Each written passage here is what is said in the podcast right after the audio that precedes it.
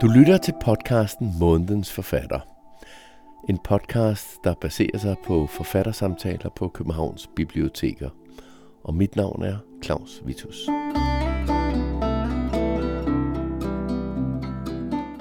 I maj 2023 var forfatteren Kim Blæsbjerg på Hovedbiblioteket i København for at fortælle om sin roman De bedste familier.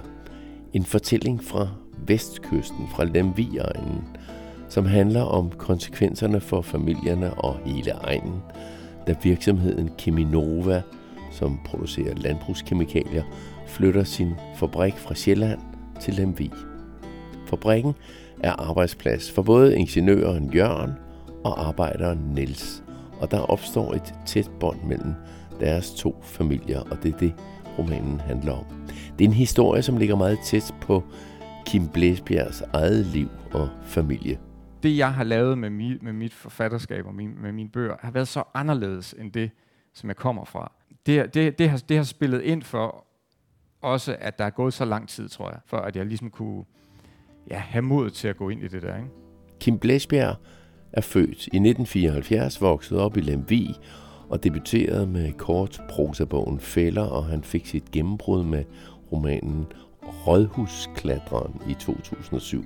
Han har siden skrevet blandt andet trebindsværket Desertørerne, som tegner et billede af Danmark i perioden fra 2007 til 2012, og altså senest også romanen De bedste familier, som anmelder og journalist Tony Worm interviewede ham om på Hovedbiblioteket. Til et publikumsarrangement, og publikum kommer også til ord sidst i denne podcast. God lytning. Velkommen til, Kim. Mange tak. Og øh, ja, jeg har glædet mig til det her. Øh, jeg har anmeldt din bog, og jeg var så glad for den. Jeg har også været rigtig glad for dine forrige bøger, som du ved. Men, det, men her rammer du altså plet, og det er ikke kun mig, der synes det. Øh, det har virkelig om ikke overrasket mig, for det er en god bog, men så har det da været, altså den har jo nærmest taget Danmark med storm, hvis man kan sige det, for at bruge en floskel. Var du selv klar over, at en bog om din lille hjemby kunne fagne så bredt, da du begyndte at skrive den? Det håbede jeg selvfølgelig. Uh, men nej, altså det skal jo sige, jeg, har været lang tid om at lave den. Uh, fire, fire, næsten fem år. Uh, og der vil jeg sige, når man sidder der og dykker ned i det stof, så synes jeg selvfølgelig, det er spændende. Uh, og jeg har jo et håb om, at andre også vil synes det. Men når man bruger så lang tid på et projekt, så er der virkelig også god tid til at kalde en tvivl frem undervejs.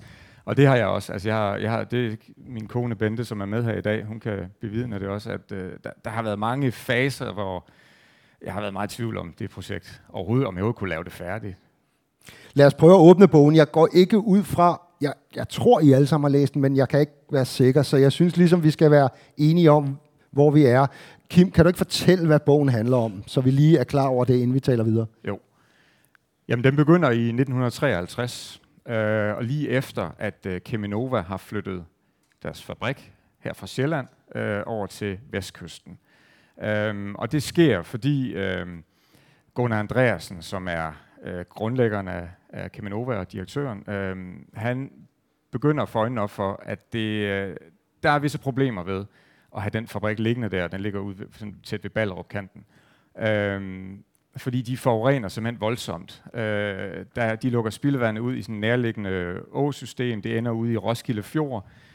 Øh, landmændene, der har marker ned til, til det her åsystem og ud til fjorden, de, øh, de, de klager over, at deres øh, kvæg bliver syge, og afgrøderne visner, og, øh, og, og fjordfiskerne i, i Roskilde, ved Roskilde Fjord, der, de, øh, jamen, de kan se, at fiskene bliver syge. Myndighederne begynder at få øjnene op for det. Øh, og det får Gunnar Andreasen til at indse, at den her fabrik er nødt til at, at ligge et andet sted. Jylland. ja, altså fordi så sker der jo det, at øh, han får kontakt til, til erhvervsrådet i Lemvi. Lemvi, det ved folk, der kender lidt til Lemvi. Lemvi har altid haft driftige folk, øh, som, som har været gode til at se, se muligheder, se idéer. Øhm, og der bliver simpelthen skabt en forbindelse mellem øh, Gunnar Andreasen øh, og erhvervsrådet af Lemvi, og de bliver enige om, at han skal da komme derover. Fordi, som, som man siger i, i erhvervsrådet, vi har, vi har et helt hav, ja. øh, som man kan lukke spildevandet ud i. Øhm, og så er der også noget med nogle, øh, nogle, nogle salgsforekomster i, i undergrunden derovre, som Gunnar Andreasen kan se, at det kan han bruge i produktion og spare en masse penge ved. Mm-hmm. Så, så man finder ud af, at øh, fabrikken skal ligge ud på den her lille halvø Rønland på Harboøre og Tange, øh, hvor de siger, at der bor jo ikke, øh, det, det er sådan langt fra alle, alle mennesker, så der kan den ligge fint ud, uden at genere nogle mennesker. Øh, bortset fra lige, at der bor altså mennesker på Rønland, men dem tæller man ikke rigtig med. Øh, altså der er nogle, øh, nogle små... Øh, nogle små landbrug derude, ja. og også en gammel landsbyskole, øh, som stadigvæk er, er i brug på det tidspunkt. Øh, men der har øh, Gunnar Andreasen den her klare øh, tiltro til, at, øh, at når han kommer med og giver dem et kontant tilbud, jamen, så rykker de selvfølgelig væk, alle de her folk, og så kan man have fabrikken der. Alt det her, det skete i virkeligheden. Du må så bygge videre på det i en, fiktions, en fiktionaliseret version. Ja. Og, og så skaber du jo nogle, et, et ægtepar. Ja, og det er jo det, altså, fordi så har jeg bygget romanen op om, om, om to familier. Ja. Uh, og den ene familie, det er, en, uh, det er en, uh, en familie, der flytter med fabrikken her fra Sjælland og derover. Det, det skete også i virkeligheden, at Gunnar Andreasen tog en del ingeniører med. Uh, og deres familier måtte jo så rykke med. Uh, og der følger vi en af de familier, uh, ingeniøren uh, Jørgen og hans kone Karin, og deres øh, datter, øh, som så rykker til øh, Lemvi-egen, slår sig ned i Lemvi, og skal begynde øh, et, en, en tilværelse, som jo ja, i, i, altså i helt ukendt land, for dem helt ukendt land, øh, over på vestkysten. Over for dem, der står der så en, øh, en lokal familie, en arbejderfamilie, hvor manden Nils er en af de mange, øh, der bliver samlet op af Keminova, kan man sige. Han kommer fra landbruget, hvor der jo i en del år har været krise, øh, ikke mindst derovre på vestkysten. Og, øh, og han, han får job på øh, Kemanova. Øh, og så følger romanen de her to familier, som jo bliver bundet, bundet sammen gennem den her øh, fabrik, øh, og som også bliver knyttet sammen på forskellige måder. Øh, så følger man de her to familier hen over, over 10 år. Øh, vi bliver også lige nødt til at slå fast, at du jo faktisk har et forhold til Lemvi. Altså du, du er selv født og opvokset derovre. Kan du ikke lige fortælle om din bag, baggrund, og hvor tæt Keminova var på din, din opvækst?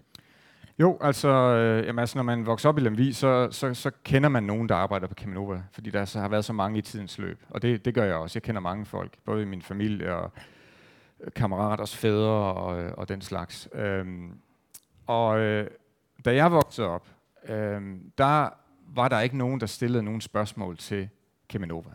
Altså Keminova var ligesom at betragte som en del af landskabet. Øh, og det, det er jo for eksempel, når vinden stod i en bestemt øh, retning, og der var afbrænding derude på fabrikken. Øh, selvom Lemvi trods alt ligger en del kilometer fra Keminova, øh, jamen så, så kunne man mærke det i luften. Mm. Øh, så var der sådan her meget karakteristiske stank i luften. Øh, Øh, men det var ikke noget, vi sådan, man tænkte noget særligt over, altså, fordi det var ligesom, Keminova var så indgroet en del af den egens liv, øh, at det var ligesom, man orienterede sig om vejret. Øh, et, når det regner, solen skinner, det blæser, nå, nu lugter det fra Keminova. Det tog man ikke øh, som andet, ligesom end bare de vilkår, der nogle gange var.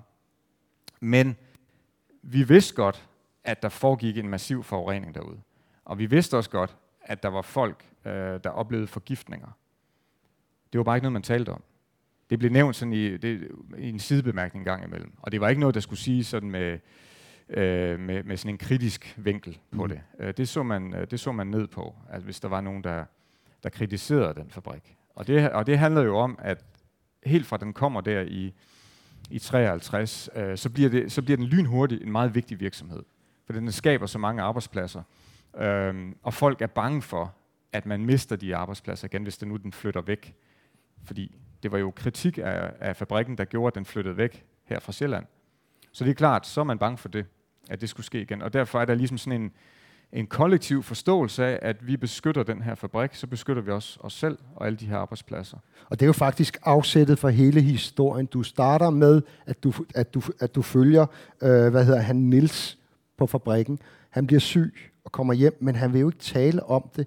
Altså, jeg kunne godt tænke mig, at vi kredser, indkredser de her to, de her, det her, øh, de her ægtepar. Øh, hvem kom først? Altså, Nils går jeg ud fra, var en figur, du kendte i din opvækst, eller på en eller anden måde. Vi har faktisk set nogle afskygninger af, af ham andre steder i dit forfatterskab, men her folder du historien helt ud. Mm. Så igen, hvem af dem kom først, og hvem var lettest at skrive om af de her ægtepar, de her mænd, ja, men, ja, men, måske mændene først? Altså, Nils kom først, ja. og generelt så kom mændene også først. Ja.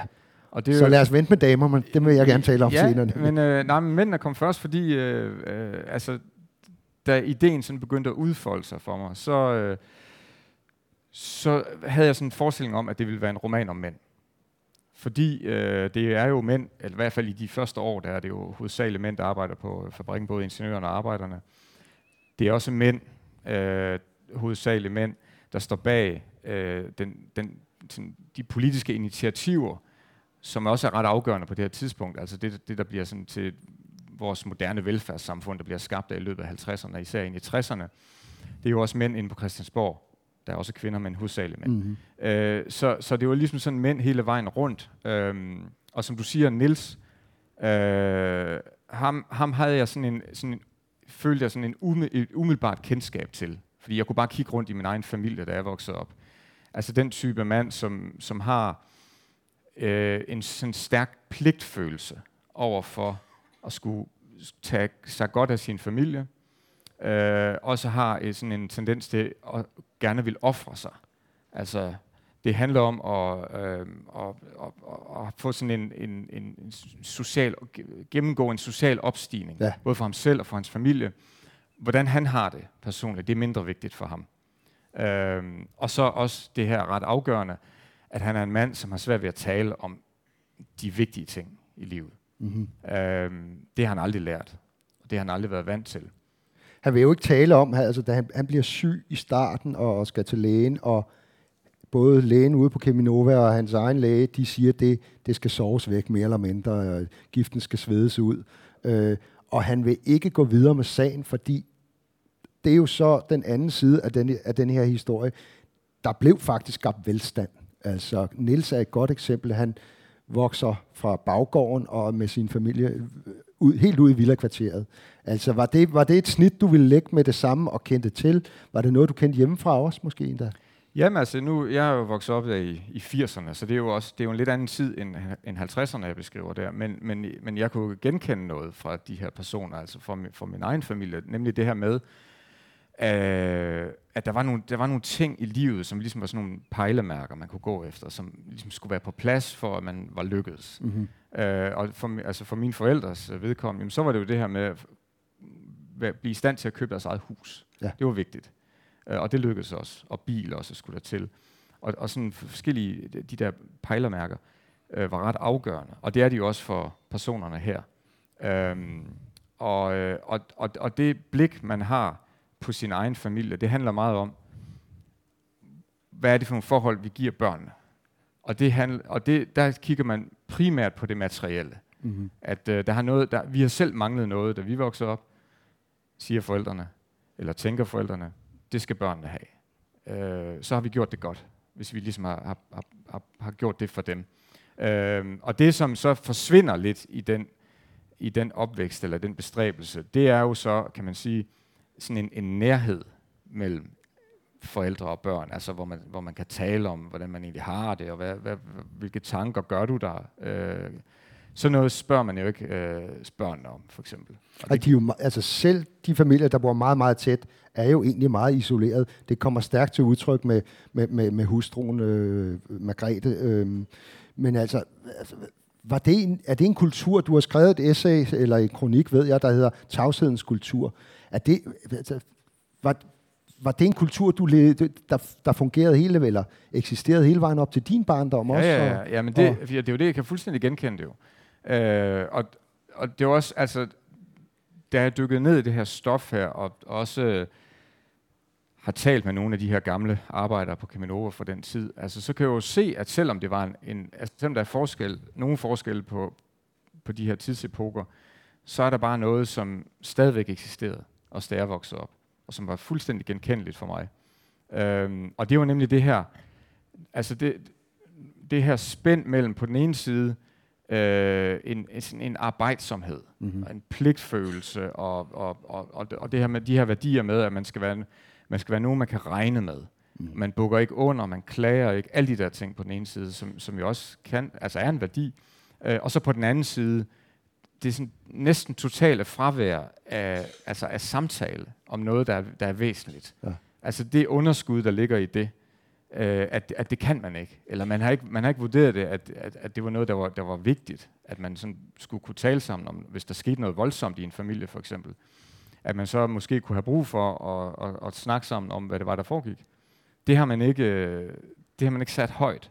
Og, og, og det, jeg så også har oplevet i min familie, det er, at i det øjeblik, der så sker noget voldsomt, og det gør der jo næsten altid i en hvilken som helst familie på et eller andet tidspunkt, så, sker der, så, så opstår der krise, eller der sker u- ubehagelige ting, så kan man mangle sproget for at tage fat i de ting. Mm-hmm. Øhm, og det har også været en, øh, en drivkraft for at skrive den her bog, at, øh, at jeg kunne se, at hele, hele den her historie om Kemenova, den, den, den er så sammenføjet med hele historien om vores tavshedskultur i Lemvi og omegn. Øh, at jeg kunne, jeg kunne se, at, at, at ved at skrive den, så kunne jeg også fortælle om den her tavshedskultur, fordi det er så stærkt vævet sammen.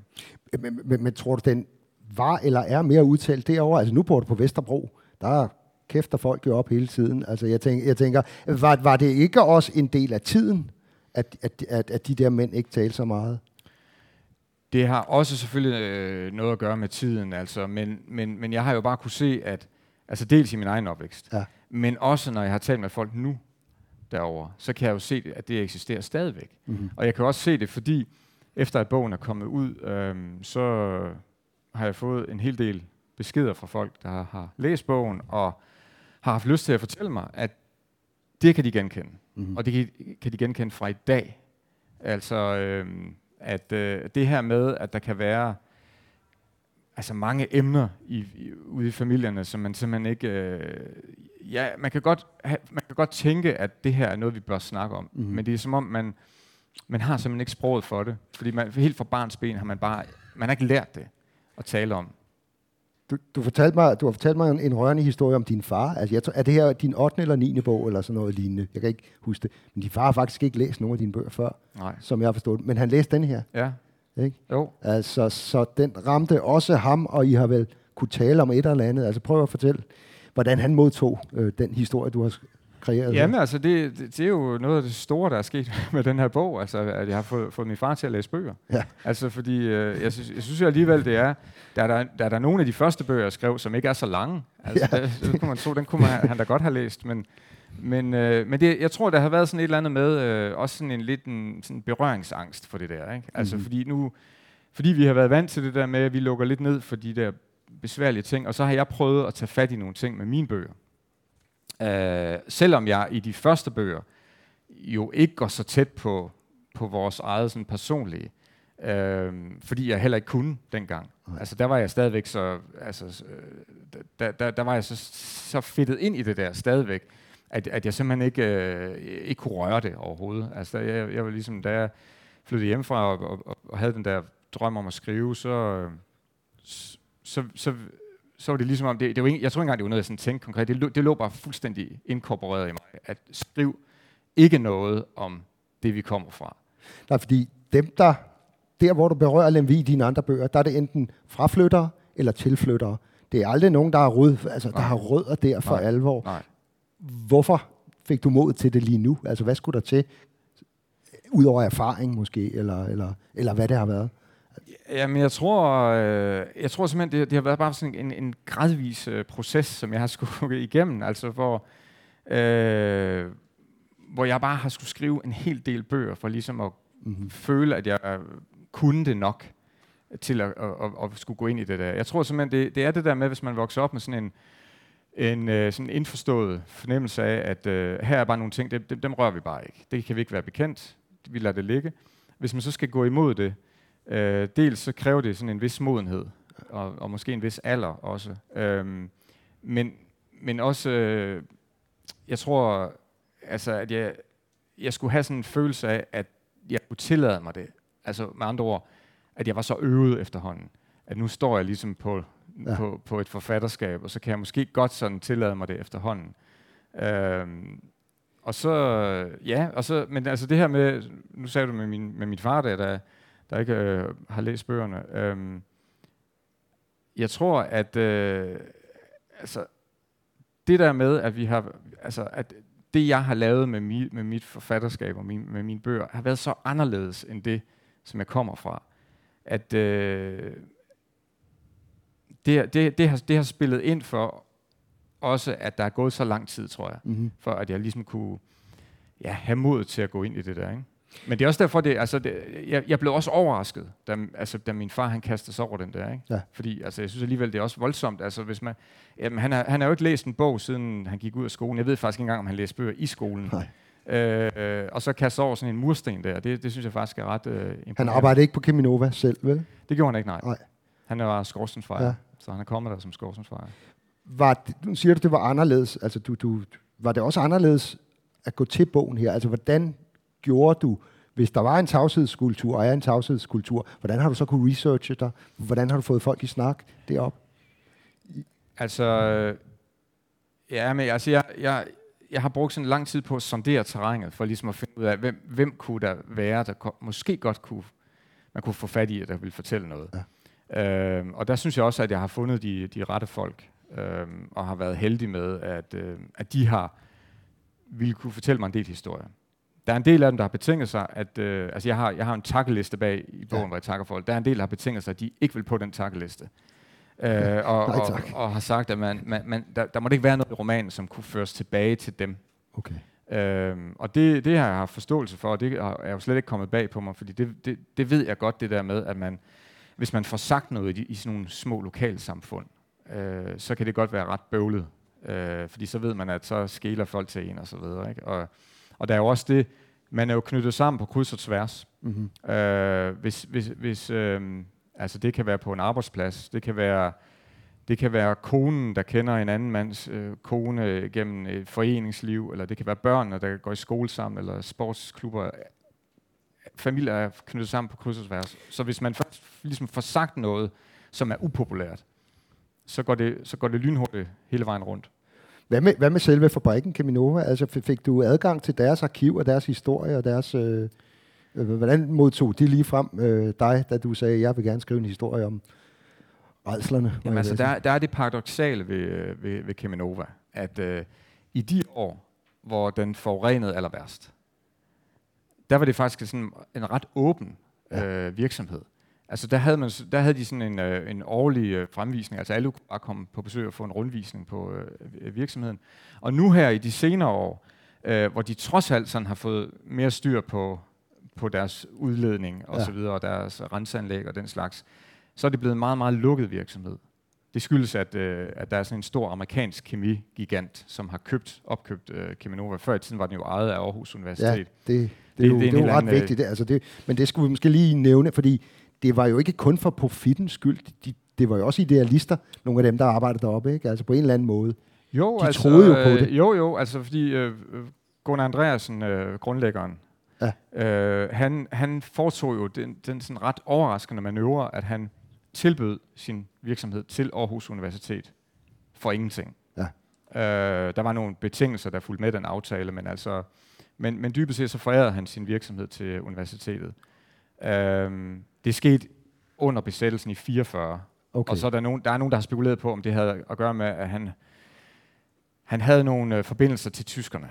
Uh, det var noget med at sælge benzin, og der var noget forskelligt der, uh, lidt lyssky. Og, og nogen har sagt, at han måske var bange for, hvordan han ville stå efter, efter krigen. Uh, og at han så måske uh, i god tid kunne gøre noget samfundsgavnligt ved at give, den, uh, give sin virksomhed til, en, til, uh, til et universitet. Det ved jeg ikke. Om, det, om det er, men om det, det bringer os jo tilbage til researchen, altså, øh, og, og, og den distance, eller de, øh, de skærme, der du har måttet møde. møde. Hvis vi starter med, eller fortsætter med Keminova, ja. kom du ind der? Fik Nej, du altså, jamen det var det, det der lukkethed, ikke? Altså, fordi ja. jeg havde selvfølgelig forventet, at, øh, at, at, at jeg kunne få en rundvisning, i det mindste, ikke? Ja. Øh, og også kunne, kunne komme til at tale med nogle af medarbejderne, især de, nogle af de lidt ældre medarbejdere, som, som kunne fortælle lidt om udviklingen op gennem tiden. Og øh, jeg tog kontakt til dem, og øh, beskrev også, at det, jeg ville skrive om, det var noget, der lå langt tilbage i tiden. Det vil sige, der, der, vil ikke, der vil ikke være nogen af de nuværende arbejdere på fabrikken, som ville ligesom være, kunne blive portrætteret. Øh, og, og fabrikken øh, så, ser også anderledes ud en dag, i dag, end den gjorde dengang. Mm. Så der var meget, der sådan, øh, hvad skal man sige, indikerede, at, at, at det, det burde de ikke øh, have noget problem med, at jeg kom ind. Men, men, men det havde de alligevel, fordi øh, de stillede nogle betingelser for, at jeg skulle få lov at komme ind. Øh, og det var, at, øh, at jeg skulle give en skriftlig redegørelse for, øh, hvilke, præcis hvilke scener jeg vil have med øh, fra Kemenova. Okay. Også selvom det foregik der tilbage i tiden. Øh, og så skulle jeg skrive under på, at jeg efterfølgende ikke ville rette noget i de scener, og heller ikke ville tilføje nye scener. Øh, og så den sidste betingelse var, at den kontrakt så skulle sendes til de amerikanske ejere, som så endegyldigt skulle godkende, at jeg kunne få lov at få den rundvisning. Øh, og det er klart, sådan nogle betingelser kan man jo ikke gå ind på. Nej. Og det vidste de jo nok også godt. Ja. Øh, så så, det, så jeg har, jeg har måttet jeg har måttet bruge nogle, nogle, nogle folk, som har, øh, som har arbejdet på, øh, på Kemenova, altså bruge dem som mine øjne. Okay. Øh, og det har de også været gode til. Gunnar Andreasen, kan vi lige runde ham, fordi hans familie lever vel endnu, går jeg ud fra. Eller det skriver du, det ved jeg, det skriver du til slut. Øh, og han er, jo, han er en karismatisk figur, men, men der er også en dyster side i ham, som du også får med. Hvordan, øh, hvordan fik du skabt ham? Ja, altså... Øh, der var, nu er det ikke så længe siden, jeg, jeg, jeg, jeg talte med nogen, som, som, var, altså, som har læst bogen, øh, og på baggrund af nogle af scenerne med Gunnar Andreasen, var kommet til at tænke på øh, hele MeToo-bevægelsen. Og det kan jeg godt forstå. Ja. Fordi øh, altså, havde han levet i dag, og havde han opført sig på den måde, så kunne han godt være en af dem, der ville komme i den mølle der. Ja. Øh, det kan vi roligt sige. Øhm, og den, de historier havde jeg godt hørt om ham. Øh, at han på den ene side var den her driftige, øh, øh, altså øh, sådan entreprenante virksomhedsejer, som havde rigtig mange gode idéer, og som jo også var kraftigt involveret i de her forbedringer, der sker på egnen. Øh, fordi han havde, han havde øh, en forbindelse ind til på Christiansborg. Han var gode venner med, med hvad hedder han, Viggo Kampmann, ja. der, var, der var finansminister på det tidspunkt, og senere blev statsminister. Øh, og det udnyttede han det venskab til at få en, en, no, no, nogle goder til, øh, til Vestjylland. Ja. Øh, så Vestjylland ser, at der kommer nogle forbedringer, og det gør, gør de gennem Gunnar Andreasen. Øh, og så den anden side af ham, det er, øh, jamen det er, at han er en mand, der udnytter sin magt, øh, især over for kvinder, men egentlig også over for alle på Kemenova. Altså det er altid, hvad jeg sådan har hørt om ham, at han var meget, meget vanskelig at have med at gøre. Øh, ikke kun for arbejderne, men også for ingeniørerne, mm-hmm. øh, som han havde sådan en tendens til at spille ud mod hinanden. Øh, altså, jeg, og, og det er lidt svært at vide, om det, om det var sådan, fordi han troede, at han så dermed ligesom kunne sådan, øh, skubbe på øh, sådan en, en, en drivkraft hos dem til at, ligesom at skabe de bedste produkter, eller, eller om det var lidt mere sådan en syg trang til at bare at misbruge sin magt. Øhm, men, men jeg havde hørt alle de der mange historier om ham fra forskellige sider, og var selvfølgelig lidt usikker på, fordi han er jo en virkelig person. Han optræder med navns nævnelse i, i bogen, så jeg var lidt usikker på, er der, noget, er der hold i de der historier? Ja. Øhm, og derfor så var det vigtigt for mig at, at komme til at tale med nogen, altså han, han er jo død for mange år siden, men tale med nogen, der havde været helt tæt på ham. Og der er det lykkedes mig at få fat i hans øh, to døtre, som man også hører i romanen, som små piger vokser op i Harboøre øh, sammen med ham og hans kone, øh, og som nu er omkring 70 år. Øhm, og dem har jeg haft en god kontakt til, og de har vist sig at være meget villige til at fortælle alle mulige historier om ham, også nogen, som jeg ikke havde hørt før. Ja, okay. øh, og, det er jo, og noget af det er også flyttet ind i, i romanen. Men, men det var ret vigtigt at få afprøvet de der forskellige historier, jeg havde over for dem. De var altså, åbne altså over for det? Ja, de var åbne over for det. Uden betingelser? Ja, men det var også sjovt nok altså at, øhm, at konstatere, at det de kunne hjælpe mig med, det var jo det var ligesom det, der var foregået i deres private hjem. Ja. Altså hjemme hos dem, og hvordan var han over for dem. Den måde, han agerede på på fabrikken, det kendte de ikke til. Okay. Og det... Det spiller jo en, en, en vigtig rolle Det spiller en vigtig rolle, men det kendte de ikke til. Øhm, og der ved jeg, at øh, altså, de har læst bogen jo efter den, den blev færdig, og, øh, og der ved jeg, at det har været hårdt for dem også at læse om de scener, der foregår på fabrikken, om hvordan han opfører sig over for arbejderne. Og arbejdernes koner, øh, hustruer også. Og det bringer os så lige til, til, til, til det, jeg egentlig også gerne vil snakke om, fordi noget af det, der, der, der ramte mig, det var portrættet af, af, af kvinderne og her. Øh, jeg, jeg, jeg tror, jeg bemærker, jeg også nævnt for dig, altså den ene arbejderkvinde her, øh, Margrethe, hun, hun, hun bor med sine tre børn og mand, og hendes mor er der også i en lille bitte lejlighed. Hun savner simpelthen plads til sig selv, øh, mens, øh, jeg tror det er Karin, Karin hedder hun, øh, ingeniørkonen, er helt alene i det her kæmpe hus, og familie og rødder er i København. Hun har nærmest for meget plads. Det er meget, meget smukt. Jeg ved ikke, om du har tænkt på det her. Øh, det er sådan Virginia Woolf-tema, jeg kan hive frem her. Men, men altså, øh, du siger, at de ikke kom først, men de fylder om ikke mindst, ikke lige så meget, jeg, jeg, jeg synes næsten mere, det er dem, der står knivskarpt i, i min erindring, fordi du skildrer jo også et, et samfund, hvor, hvor øh, klasseskælden er det bærende her, men kønsrollerne øh, ændrer sig jo også i de her år. Altså, hvordan har du fået det inkorporeret, indflettet i den her historie om egentlig noget helt andet? Jamen, det var, altså, da jeg først sådan begyndte at få de her mænd på plads, Ja. Altså ligesom over for hinanden, hvor jeg havde Nils og Jørgen, arbejderen og ingeniøren, over for hinanden, og hvordan forskellene mellem dem og så videre. Øhm, så måtte jeg jo gå et skridt længere ud, fordi jeg, skulle, jeg ville jo gerne beskrive sådan deres liv, sådan deres fulde liv. Øhm, og de har jo familier. Og så på den måde, så kom konerne jo også ligesom ind i mit synsfelt. Og da de først de gjorde det, så blev jeg bare nysgerrig efter at prøve at forstå, hvad det egentlig er, øh, der driver dem ja. og hvordan de, hvordan de agerer i forhold til det. Fordi det, det som mændene forventer af dem, og det, og det, og det har de sådan set uh, til fælles, Nils og Jørgen, ja. det er, at de forventer af deres koner, at de ligesom følger med den bevægelse, der er i gang. Ikke? Altså Jørgen skal over og være den store mand øh, og bygge den her, være med til at bygge den her fabrik op. Øhm, og, og Nils han skal sørge for, at hans familie kan lave det her ryg op fra det her øh, slumagtige havnekvarter op oven for byen i de nybyggede lejligheder. Øh, og de har begge den der øh, forestilling om, at hvis de der materielle ting lykkes, så følger konerne automatisk med ja. og vil være glade. Og det er jo ikke helt sådan, det er. Nej. Fordi øh, efterhånden, som jeg sådan begyndte at komme tæt på de personer, også, altså før jeg begyndte at skrive romanen, men da jeg sådan havde på notatplan og, og prøvede at udvikle dem, så, øh, så kunne jeg godt, altså så fik jeg sådan en følelse af, at de strittede imod det der. Ja, de gør. At de, at de ville ikke bare finde sig i, i det der. De havde nogle, deres egne idéer, deres egne planer, begge to. Ja. Og så synes jeg, det blev interessant, fordi de er jo meget forskellige i udgangspunktet, de to kvinder. Det er klart, de kommer fra meget forskellige kår. Øhm, og, så havde, og så fik jeg sådan en tanke om, at det ville være interessant at lade dem komme tæt på hinanden. For ligesom at øh, altså dels udfordre det, de hver især kommer med. Så lad dem ligesom gå over det skæld, det klasseskæld der. Ikke? Øh, men også fordi på den måde, så kan jeg jo ligesom sætte, sætte, sætte, øh, sætte det i relief, mm-hmm. de ting, de hver især kommer fra.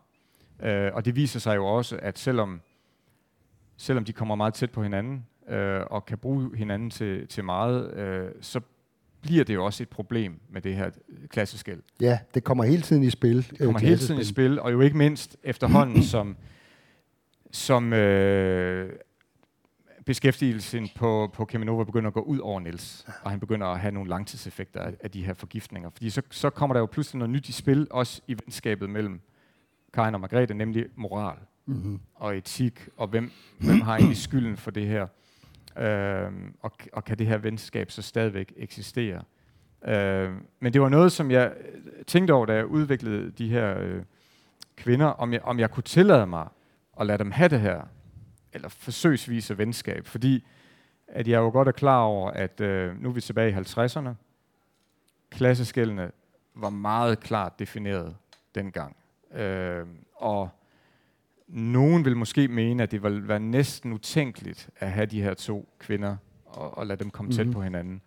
Øhm, men, men for mig var det, var det altså til sidst udmodståeligt simpelthen at, at, at bruge det greb og lade dem ligesom støde, støde sammen. Der er jo også den plausible forklaring, at der er kun én skole i byen, så deres børn mødes og derigennem får særligt kvinderne jo en, en, et fællesskab også. Det er også jeg, jeg, synes det, jeg synes, det fungerer. Jeg, synes heller ikke, vi skal røve for meget, men jeg kunne godt tænke mig at høre, altså der er ret mange øh, spor, eller der er, der er fire hovedpersoner mindst, og, og forskellige spor. Havde du sådan øh, plottet det hele ud i forvejen, eller, eller sidder du bare og skriver fra starten af, og så kommer det? Hvordan arbejder du sådan mere generelt med sådan en Nej, blog? jeg, øh, altså, jeg, det, ja, jeg starter med at, at bruge lang tid på research, faktisk. Altså, og det, og det, øh, det jeg har, altså, og det er jo ikke, fordi jeg skal bruge alt det, jeg indsamler af stof, øh, men, men, men jeg har brug for at have den her følelse af, at jeg ved, hvad jeg har med at gøre. Altså, sådan i, i hvert fald i udgangspunktet. Altså, skal jeg helst vide meget om det emne, Ja. eller de emner, som jeg har med at gøre. Øh, og det har jeg brugt i hvert fald et år på. Øh, bare at foretage den research og være ude og snakke med en hel masse folk og læse op på en masse ting. Um, men så øh, undervejs i den fase, jamen så, så begynder der også at dukke øh, idéer op til bestemte scener, der kan være. Og det, det, tager, det noterer jeg ned. Uh, og så ender jeg med til sidst at have sådan en, en, en stor gryde af idéer øh, og scener og mulige scener og mulige udviklinger. Og så begynder jeg at gå lidt mere sådan øh, stringent til værks. Altså hvor jeg begynder at kigge på hver enkelt person. Øh, og så, så laver jeg ligesom nogle, nogle spor igennem romanen for hver person. Ah. For jeg skal vide, jeg skal, jeg skal, jeg skal vide noget om, hvad, hvad er det, den person vil, og håber på, og drømmer om, og hvad er muligt, og hvad kan der ske. Øhm, og så, så, så får jeg ligesom de der spor for, for, for hver person, og så kan jeg begynde at flette, flette dem sammen. Sådan at, øh, øh, så, det, så du ikke bare har sådan en persons fortælling først, Ja, ja, og så videre til næste, men at det ligesom er bundet sammen. Øh, og, så, og, og der begynder det at blive mere kompliceret jo, fordi, fordi, så, fordi personerne jo er knyttet tæt sammen. Selvfølgelig øh, er de det. Så hvis der sker et eller andet afgørende i en persons liv, så kan det jo have indflydelse på de andres historier også. Og der kommer erf- erfaringen vel også ind. Altså, sådan en bog kunne du alene af den grund heller ikke have skrevet i starten. Vel? Nej, nej, nej. Jamen, præ- præcis. Altså, der, der er klart, altså det, det- det, det kræver et vist overblik. Ja. Øh, og, øh, og, og man kan også altså, have mange hovedbrud der, ikke? Fordi så kan der jo ske det, at øh, hvis man har sine spor, og så lige pludselig så dukker der en, en, en, en eller anden fanta- fantastisk idé op til, at der var faktisk noget andet, der kunne ske her. Ikke? Ja. Og, det kan jo, og hvis det ligger i starten, for eksempel, så alt det, der kommer efter, så skal det laves om, eller du ved, justeres i Det var, forhold til det det. var ikke? godt, du ikke skrev under på den der Keminova-kontrakt. Så, ikke? altså. ja, det er præcis, det havde Øh, været skidt. Den første scene, da, da, da vi talte om, hvad du skulle øh, øh, læse op, så var jeg jo ikke i tvivl om, at jeg ville foreslå, at, at du bare startede fra starten af, for den står altså knivskarpt. Var det også startscenen, da du begyndte at skrive? Ja. Godt. Det var det fra starten. Jamen, så lad os høre Skal vi tage den? den. Ja, tak Ja. skal du have. Ja, men det er jo simpelthen Nils, som vi åbner med, øh, og som er på arbejde ude på Kemenova i en afdeling på fabrikken, der, som man kalder for knuseriet.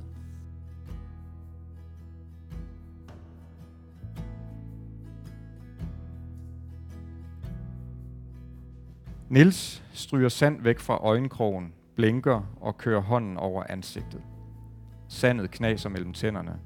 Han kan ikke samle spyt nok til at fugte læberne, og øjnene løber hele tiden i vand. Han gnider dem i ærmet, hver gang der er en pause i arbejdet. Det er forbandet sand, lyder det fra en af dem, der ligesom Nils er kommet til fra landbruget. Ja, hvis det bare ikke var for sandet. Ræk mig en dunk, siger han. Han hælder vand i øjnene og tømmer resten ud over overkroppen, før han hamrer videre. Dagen før tippede de svovl og rød fosfor ned i 50 liters trumlerne. Med en glødende jernstang stukket gennem et hul i trumlens låg, fik han ild i blandingen, varmen satte den kemiske reaktion i gang, og fosforen og svovlet smeltede sammen. Nu hvor blandingen har stået til afkøling i et døgn, er den blevet til en hård koksgrå klump, som skal hejses op og findeles i knusemaskinen, men ikke før Nils og Sjakket har grovknust klumpen med forhammer. Der er mange trumler og mange store klumper. De er ti mand om det står og hamrer løs og prøver at holde ansigterne væk fra den sky af kemisk støv, der rejser sig. Den vinende svige i øjnene føles ikke som sand, men mere som salt hældt i et åbent sår. Nils hamrer endnu hårdere på klumpen for at få arbejdet overstået. Man kan ikke gøre det med lukkede øjne. Så rammer han forkert. Og for hvert slag er det, som om flere spidse saltflager skydes ind under øjenlågene. Nu ved han efterhånden godt, at det hverken er sand eller salt. Foran blikket flimrer en palet af stærke farver. Omgivelserne trækker sig fra ham. Det er umuligt at stille skarp på noget som helst. Frygten får det til at isne gennem kroppen. Han plejer at sige til de nye, at de skal bevare roen, når der opstår et problem, men føler absolut ingen ro selv. Snarere antydning af panik og af en slags raseri inderst inde i det, han taber hammeren. Hvad laver du, Christensen? De andre stanser arbejdet. Han fornemmer, at de slår ring om ham. Prøv at se hans pupiller. Nogen skubber en kasse hen under ham og får ham ned at sidde. Jeg har det fint nok, ville han sige, men den lysstærke flimmeren giver ham akut kvalme. Han prøver at holde øjnene lukkede, hvilket kun hjælper lidt. For hans indre blik toner Margrethe frem. I det mindste skal hun ikke være vidne til det. Nils fornemmer, at nogle af de andre er gået efter hjælp. Er det øjnene? spørger en stemme, som han genkender. Den tilhører en af ingeniørerne. Lad mig se, Niels. Kan du åbne øjnene? Det er bedst, hvis du spærrer dem helt op. Jeg føler mig frisk nok. Ja, ja. Åbn øjnene. Lyset pisker mod øjeæblerne og får tårerne til at vælge frem. Du har ikke haft øjne før, har du? Niels ryster på hovedet, har kun se, set andre have det. Ingeniøren giver hans skulder et klem. Før vi kører dig hjem, skal du forbi lægen og have et skud morfin, så sover du fra det hele. Er der nogen, der ringer efter hans kone?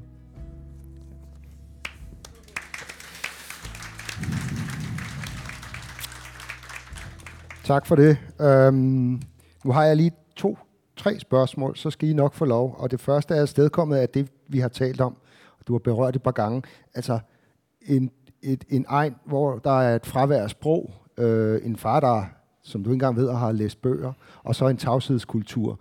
Øh, hvordan pokker bliver man så forfatter? Hmm. Ja, men altså, det er jo også paradoxalt. Fordi, øh, altså, og, og det er jo det, jeg har været lidt inde på, at øh, øh, altså, når jeg kigger mig rundt i det litterære landskab, øh, så har der jo været sådan en, øh, en, ten, en en lille tendens, fald, måske større tendens til, at, øh, at folk skriver om klasseskæld. Ja. Øh, og der har jeg jo undgå, kunne undgå at bemærke, at der er nogle af de her forfattere, som er meget unge. Ja. Øh, meget, meget unge, og som i, måske i, i deres allerførste bog kan gå ind og beskrive noget af det her. Øh, og der kan jeg bare sige, at det kunne jeg ikke. Altså det, for mig, der var det så indgroet i mig det her, at, øh, at netop da jeg begyndte at skrive, der havde jeg sådan en følelse af, det er fint nok, du skriver. Og det kan være sådan en, en ventil, en måde ligesom at få sagt nogle ting nu, når man ikke kan sige det. Men sig noget om alt muligt andet. Du må ikke vende blikket ind mod det, du kommer fra. Alt muligt andet kan jeg skrive om. Og sådan var det også med de første bøger. Mm-hmm. Øhm, og øhm, nu har jeg glemt, hvad du spurgte om. Ja, hvorfor du blev forfatter. Ja, altså. men, det, men, men jeg tror det simpelthen, det var det, altså, at, at, at, altså, at jeg, har gået, jeg, jeg har haft sådan en, en næsten sådan underbevidst fornemmelse af, at, at, at der var noget, jeg skulle ud med. Altså, at, at, jeg, at det, det, var, det var tyngende at gå rundt i den der kultur, hvor man ikke kunne sige noget. Men samtidig var jeg en del af den kultur. Øh, og, øh, og kunne derfor ikke sige noget om det. Men så prøvede jeg at sige noget om nogle andre ting. Og så efterhånden, kan man så sige, så er, så er der jo en træning i det, en læring i det. Øh, så lærer man det at skrive bøger, og bliver ligesom vant til, at okay, det er faktisk noget, man godt kan. Nu, har, nu er der måske en form for sprog, der er ved at blive udviklet, på, sådan, på trods af, at der ikke var så meget derhjemmefra. Øhm, og så begynder man at nærme sig at sige, så kan, det, så kan det måske godt være, at man kan begynde at vende blikket mod det der, man kommer fra. Jeg var, jeg var i Lemvi og holdt foredrag om dit forfatterskab for nogle år siden, og der var altså fyldt med mennesker, skal jeg så sige. Øh, mm, ikke på grund af mig, men på grund af dig. Øh, og jeg spurgte dig sådan lidt om, om, om, om hvad jeg skulle se derop. Du, du har jo et nært forhold til Lemvi, selvom du ikke har boet der længe. Jeg fandt så også en, en, en essaysamling, der hedder Limfjorden, hvor forfatter, blandt andet du, har skrevet øh, om jeres øh, barndomsegn. Og, og, og nu vil jeg gerne så vidt jeg husker, har jeg skrevet det rigtigt ned for bogen, men, men, men det leder mig videre til det næste spørgsmål.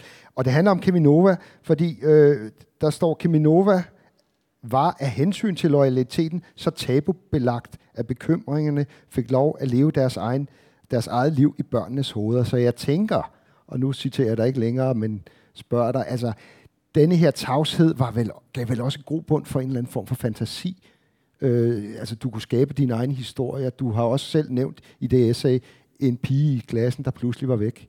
Altså, jeg ved ikke, om du kan genfortælle det, men altså, det, det, det, det er da på en eller anden måde også en, et, et rigt sted for en forfatter at vokse op, hvor det hele ikke er udtalt. Ja, og det, det, det tror jeg, at der kan være nogen, øh, som reagerer på den måde. Ja. Og, og jeg er så en af dem. Ja. Og så tror jeg, at der er mange andre, som reagerer ved, at man bare lukker ned for de der tanker. Altså det, det, det er i hvert fald, hvad jeg sådan har, har erfaret, også sådan i min, i min egen familie. Altså, at der, der, der, jeg tror, der hos mange, der er der ikke meget fantasi. Og, det er, jo, og det er jo det, når man altså... Okay, ja. Og det, og, og, og det er jo det, der er problemet, når... Altså nu, ja, nu nævnte du den der lille historie. Det har, den har ikke noget med den her bog Nej. at gøre, skal jeg sige. Øh, men, men det var, da jeg var lige startet i skolen, der i børnehaveklassen. Øh, vi var 14 dage inde i første øh, år der. Øh, og så er der en, en af, af pigerne, som pludselig ikke er der en dag. Øh, og så kan man godt sådan fornemme på læreren, at øh, der er et eller andet, der ikke er godt her. Øh, men vi får ikke at vide, hvad det handler om. Øh, og så det er først en, en, altså der, der går en, altså ret lang tid før at vi børn finder ud af hvad det egentlig er der er foregået. Og det der er foregået, det er så at en af byens læger øh, har slået sin kone ihjel. Øh, og den her datter, som så var startet i vores øh, skole, er blevet flyttet til Nordjylland til mm-hmm. noget mhm. familie der. Øh, men og, og man kan selvfølgelig også sige, at det er noget, man sådan skal, hvor meget skal man fortælle børn om det, ja. og sådan noget der, ikke? Men, men, øh, men det slog mig øh, øh, på et tidspunkt, da jeg skrev det der til Limfjordsbogen, at, at jeg synes, det var, det var bare sådan ret påfaldende, at det var, det var sådan endnu en af de der ting, som øh, det kunne man ikke tale om. Og jeg har talt med mine forældre om det nu her for nylig i forbindelse med bogen, faktisk den sag der, ikke? Ja. Øh, hvor de kunne genkende til at sige, jamen det er rigtigt nok, det, det, det blev bare, det dyssede vi ned. Fordi det er jo sådan et hensyn, man godt vil tage, at det, det, det er der ingen grund til, at der er nogen, der hører noget om, eller vi taler om. Det, det så har folk selvfølgelig talt en hel masse om det sådan ja. bag lukkede døre og sådan noget, det er klart. Øh, men, øh, men jeg synes, øh, det som for mit vedkommende sådan er endnu mere væsentligt, altså det er jo, vi har i, i min egen familie, altså på min fars side af, af min familie, der, der, øh, der har der været en hel del problemer. Øh, min far er han er vokset op i Indre Mission. Det er ikke nødvendigvis et problem i sig selv, øh, skal jeg huske at sige her. Nej, det er det jo ikke. Øh, men, men det, der så også var et problem, det var, at, at min, øh, min farmor, hun havde nogle alvorlige psykiske problemer, og, øh, og havde efter, efter eget udsagn født alt for mange børn. Øh, de var 10 i den der børneflok. Og det har jeg hørt hende sige, da hun levede, at, at hun havde født alt for mange børn. Hun skulle tage sig af. Hun kunne ikke øh, overskue det. Øhm, og min far han har beskrevet, at, altså, at det, var, det var et hjem uden kærlighed. Der var ikke, der var ikke overskud oh. til det der. Øh, og min bedstefar der, han, øh, han, han tog sig af, det var ude på, på landet, han tog sig af landbruget og passede ligesom det, og det var rigtigt. Øhm, men det man så kunne se, det var, at da den her børneflok vokser op, så er der mange af dem, der ikke rigtig kan kapere voksenlivet. Mm-hmm. Øhm, og, øh, begynder at drikke og forskellige. De får alle sammen børn og sådan noget, og svigter også deres egne børn. Og, og på et tidspunkt er der så en af dem, der tager sit eget liv, og det bliver ligesom sådan en, en epidemi i vores familie, fordi der er fire af dem, der har gjort det. Øhm, og det som jeg, og, og jeg var, altså, jeg var i starten af 20'erne, da den første gjorde det. Så ja. det er jo ikke, fordi jeg sådan var barn og ikke forstod, hvad der foregik. Men det, der har været ret påfaldende der, det er, det har vi heller ikke kunne tale om. Okay. Altså, vi har kun kunne tale om de praktiske ting, hver gang der var en, endnu en, der havde gjort det øh, hvordan begravelsen skulle foregå og den slags. Vi har ikke kunne, øh, der er ikke nogen, der har kunne holde nogle taler i, ved begravelserne eller sådan noget. Der, altså, det, det har været helt ordfattigt, øh, den der måde, vi er gået til det på. Og det, for mig så er det blevet sådan, altså det har været sådan et, et, et klokkeklart eksempel på det der med, at der kan godt, det kan godt være, at man sådan på lange stræk kan klare sig fint nok med det her mangelfulde sprog. Øh, fordi når der ikke, hvis ikke der sker det helt store, så det, kan det også være meget hyggeligt. Altså, så holder man sådan på sådan en overflade og taler om sådan ubesværlige ting. Og, men i det øjeblik, der sker noget voldsomt, øh, som man måske godt kunne have brug for at prøve at dykke ned i, for at forstå, hvad, hvad, hvorfor i alverden for, hvorfor sker de her ting. Det kunne være, måske være ret praktisk, at vi mm-hmm. sådan sammen kunne prøve at forstå, hvorfor, hvorfor er det sket. Så mangler vi alle sammen sprog for det. Har, har, har, har du oplevet, at nogen har fået ja, nu nævner du din far, men altså fået, fået lidt af det sprog, mod på at diskutere de ting, eller tale om det, i talesæt det i det mindste, i din familie. Ja, hos, og hos nogen. Ja. Hos nogen har jeg der, og det, og det har heller ikke overrasket mig, fordi det, det var nogle af dem, som jeg sådan godt vidste, trods alt godt kan måske finde ud af det i en vis grad. Og så er der nogen, som er meget lukket, lukket om sig selv, og det, det, det er de stadigvæk. Øhm, og sådan vil det nok, nok altid være. Nu er det snart jeres tur. Jeg vil lige runde af med at, at spørge dig om, altså det lyder jo som om, der er ret mange historier tilbage i Lemvi. Er det noget, du er færdig med at skrive om? Eller hvordan står det til med det? Altså, ja, hvad er du i gang med nu? Det er måske det, jeg helst vil høre. Var, var det ikke det, vi aftalte, du ikke skulle spørge Jo, det, det er derfor, så nu kommer det bag på dig. Ja.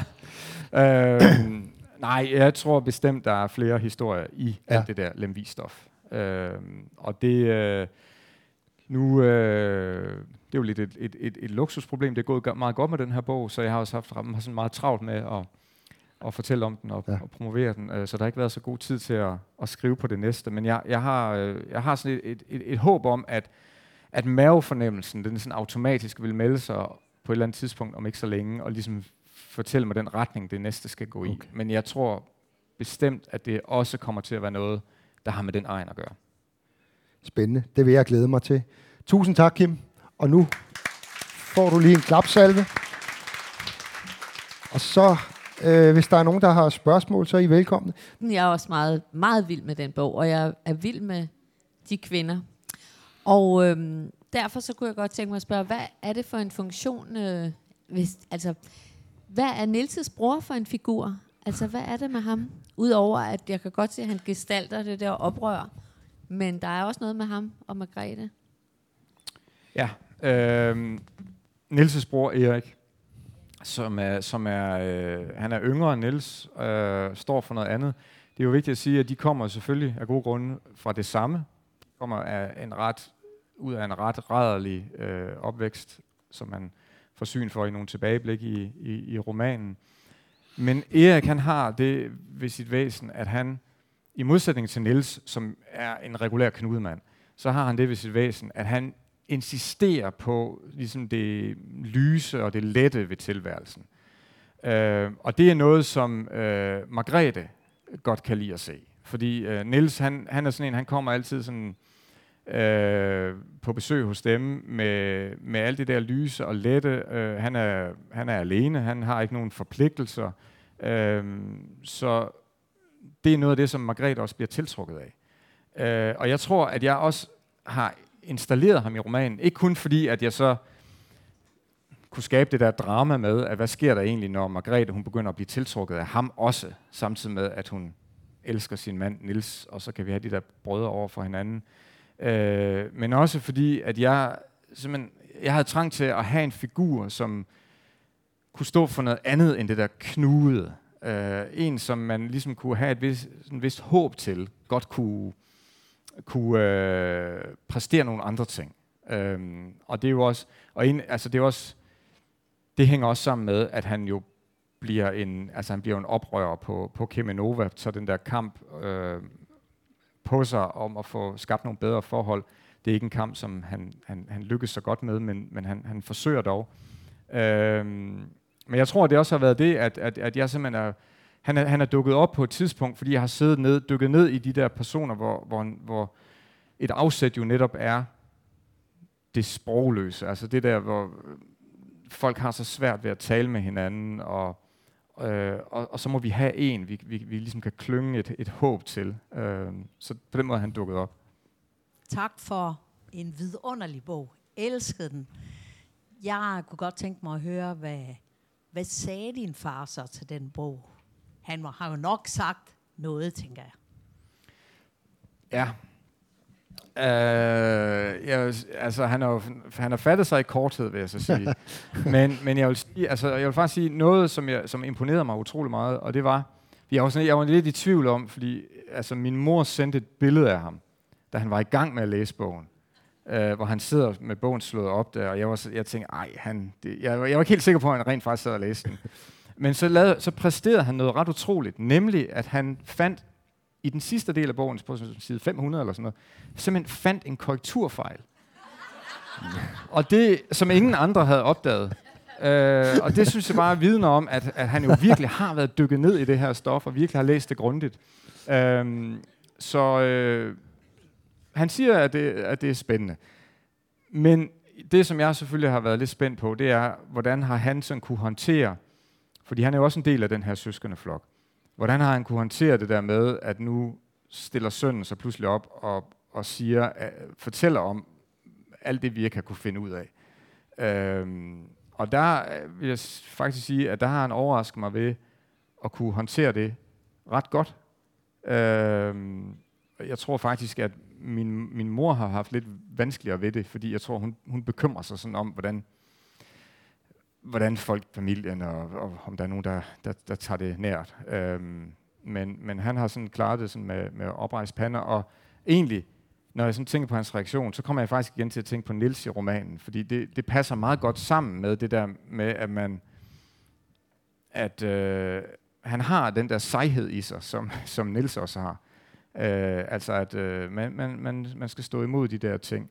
Øh, og det, øh, og det synes jeg, det er ligesom den, det er den positive side af den der fortælling, af det vi kommer fra. Det er den der sejhed, det er det der med, at man ikke piver, og man, øh, øh, man kan godt klare tingene. Fordi det er jo også noget af det, som, som jeg også har tænkt over, jeg også lukrerer på, når jeg skriver de her bøger, og kan have min tvivl, og kan være ved at opgive og alt sådan noget, øh, at så kan jeg jo godt se, at ja, godt nok, så kan jeg lide lidt under det her med, at, at jeg synes, jeg er vokset op uden noget sprog, når jeg nu skal bruge sproget professionelt. Men på den anden side, så har jeg også bare fået noget med, som er den der sejhed, og det der med, at man bare bliver ved og ved. Og det kan jeg jo, det kan jeg jo se hos ham også.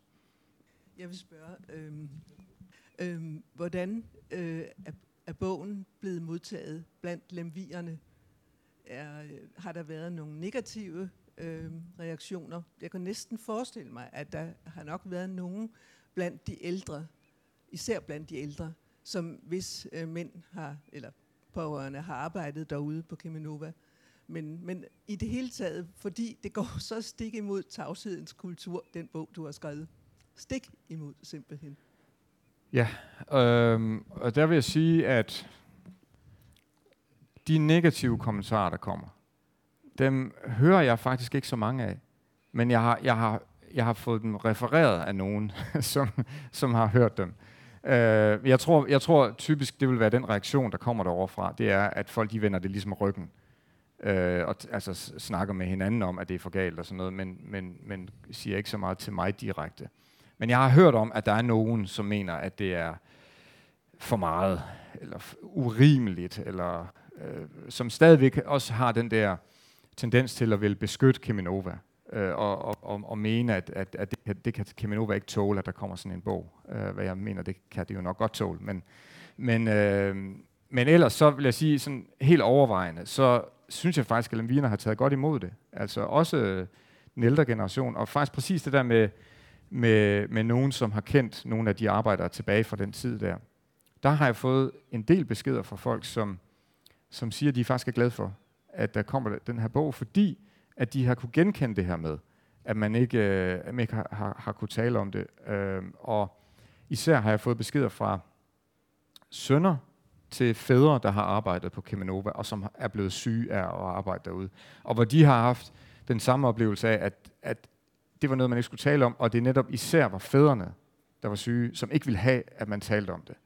Øh, fordi de havde den der loyalitet over for fabrikken. Øh, men hvor de her sønner, nu, altså nu er deres fædre, fædre så for længst døde, men hvor de siger, at de vil ønske, at de havde kunne tale med dem om det. Øh, og de synes, at den her bog, den på en eller anden måde sætter nogle ting i, i perspektiv for dem.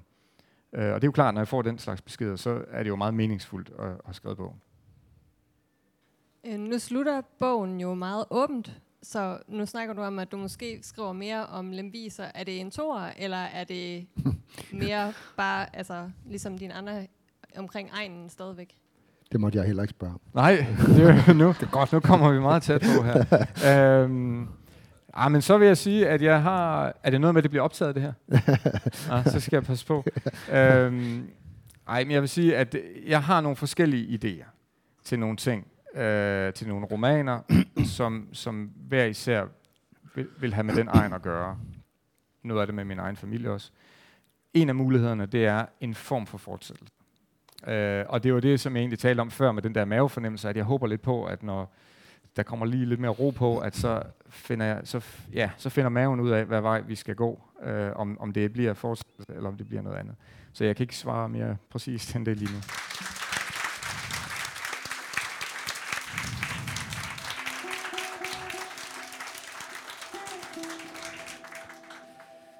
Du har lyttet til en podcast, der baserer sig på Københavns Bibliotekers publikumsarrangementer, månedens forfatter. Og du kan også selv være med til den slags, altså som publikum. Følg bare med på vores hjemmeside, bibliotek.kk.dk bibliotek.kk.dk Der kan du finde arrangementerne under fanbladet aktiviteter, og du kan også finde flere podcasts under fanebladet Lyd. Jeg har lavet en litteraturliste over Kim Blæsbjergs bøger, en liste, som du så kan finde i teksten til den her podcast. Musikken i baggrunden er fra Epidemic Sound, og arrangementet på Hovedbiblioteket var arrangeret af Ellen Ingerslev, Tanne Søndertoft og Marie Lund Boltag. På genhør i den næste podcast, eller i en af de andre, i en af de over 80 podcasts, der rent faktisk ligger i serien Månedens Forfatter. Mit navn er Claus Vitus.